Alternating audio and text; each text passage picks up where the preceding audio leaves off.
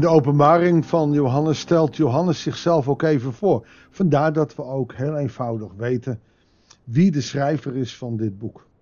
Geïnspireerd door God, door Jezus doorgegeven aan Johannes. En hij stelt zich voor. Goeiedag, hartelijk welkom bij een nieuwe uitzending van het Bijbelsdagboek. Genade en vrede zijn jou van God de Vader. Laten we Hem betrekken bij ons Bijbellezen, zodat Hij door de kracht van zijn geest ons ook de woorden in ons hart kan leggen. Zeker ook als we lezen uit Openbaringen. Openbaring 1, de versen 9 tot en met 20. Ik, Johannes, uw broeder, die door onze eenheid met Jezus, net als u deel in de ellende, het koninkrijk en de standvastigheid. Oké, hij deelt dus in de ellende, hij zit gevangen. Hij deelt in het koninkrijk en in de standvastigheid. Niet door zichzelf, maar door Jezus. En die eenheid hebben we. Onlangs zei ik het nog in een dienst in, eh, in mijn eigen gemeente. We zijn verbonden door Jezus Christus. Dat kan betekenen dat we het chronisch met elkaar oneens zijn. Maar die verbondenheid in de ellende, het koninkrijk en de standvastigheid moet blijven staan. Ik was op het eiland Patmos omdat ik over God had gesproken en van Jezus had getuigd.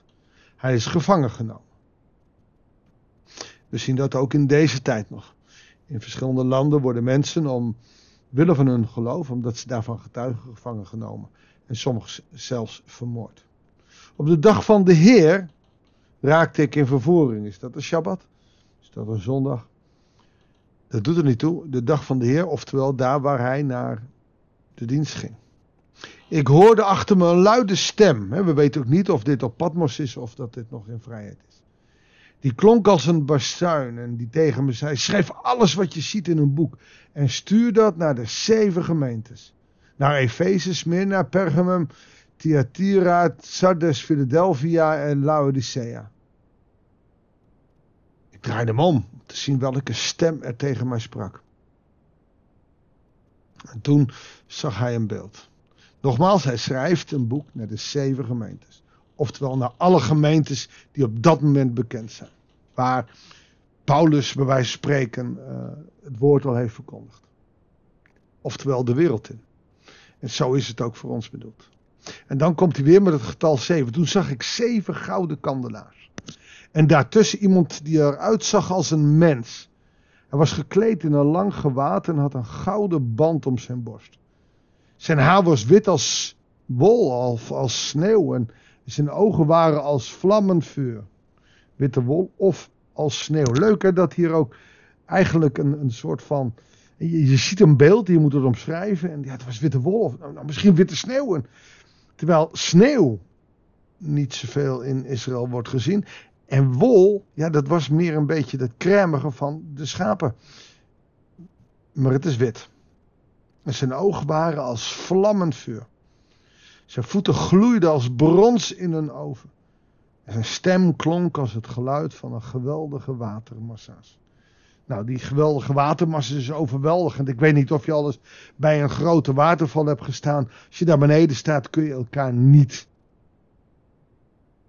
uh, begrijpen, horen of uh, spreken. Maar ook zijn ogen vlammend vuur, het vuur van de geest. En dat brons, dat is op dat moment een belangrijk metaal. Warm en gloeiend en uh, het, het is indrukwekkend wat hij ziet.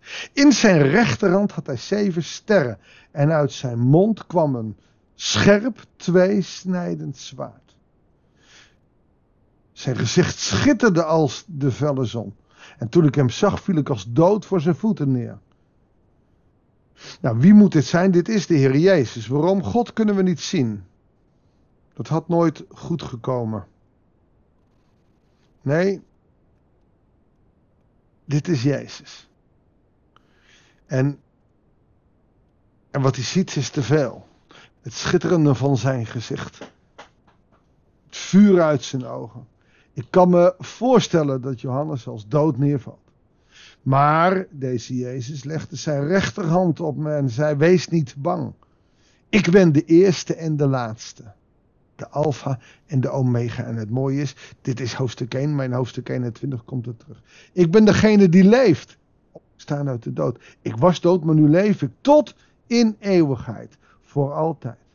Ik heb de sleutels van de dood en van het dodenrijk. Hij heeft gewonnen. Hij heeft de sleutels zelfs van het dodenrijk. Hij heeft toegang. Hij is sterker dan iedereen in het dodenrijk. Schrijf erom op wat je gezien hebt. Wat er nu is en wat er hierna zal gebeuren. Het is de betekenis van de zeven sterren. Mooi, en dan geeft hij meteen uitleg. Dit is de betekenis van de zeven sterren die je in mijn rechterhand zag. En van de zeven gouden kandelaars.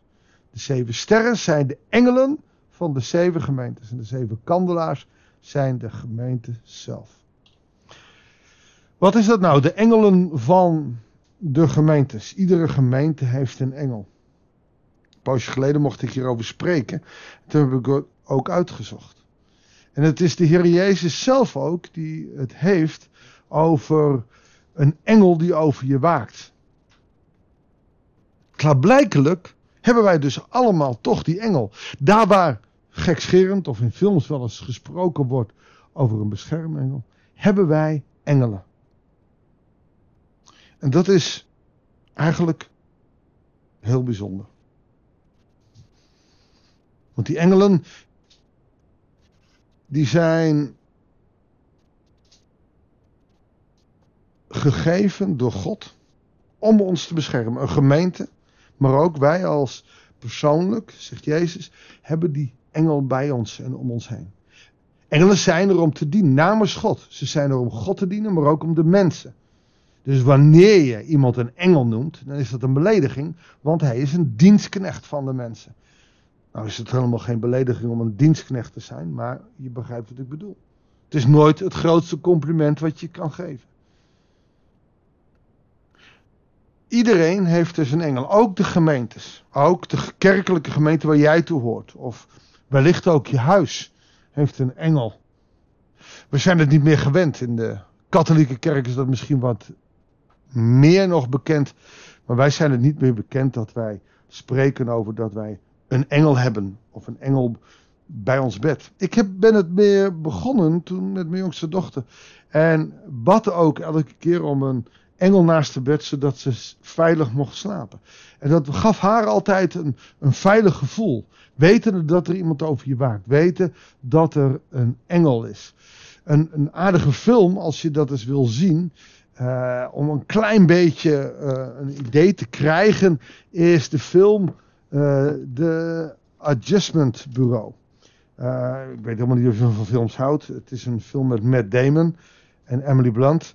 Ehm, natuurlijk is dit geen christelijke film, maar het geeft wel een beetje weer hoe er engelen zijn. In die film zijn het mannen met hoeden. Dus elke gemeente heeft dus een engel. En de kandelaars zijn de gemeente zelf. Nou, de kandelaars, dat zijn natuurlijk de menorahs. En elke menorah heeft zeven armen. En dan zie je weer dat getal 7. Het gaat helemaal niet om de plaatsen zelf, die hebben betekenis, dat zullen we misschien ook nog wel ontdekken. Maar de kandelaar met de zeven armen gaat de wereld in. Is niet alleen van Israël, is niet alleen van het Jodendom, maar die zeven gemeentes met hun zeven engelen zijn van significant betekenis voor de Heer Jezus. Het evangelie moet de wereld in. Maar de wereld moet ook de toekomst horen. Laten we horen wat God tegen deze gemeentes gaat zeggen. Maar dat zien we morgen. Laten we eerst bidden om zijn aanwezigheid. Trouwe God, liefdevolle Vader, wat bent u een geweldige God dat we ook nu weer uit uw woord mogen lezen. En eigenlijk is het heel bijzonder, ook al vinden we het gek om erover na te denken, dat wij een engel hebben die over ons waakt. Heer, en door die engelen weten we dat u over ons waakt. Wat bent u een bijzonder God. En we danken u en we loven u om uw grootheid. Heer, leer ons zo te accepteren dat er tussen hemel en aarde meer is. Zodat we ook vertrouwen mogen op een engel die over ons waakt. Ga zo met ons mee deze dag, wat we ook gaan doen. Zegen ons in Jezus' naam. Amen. Dankjewel voor het luisteren. Ik wens je heel veel zegen en heel graag Tot de volgende uitzending van het Bijbels Dagboek.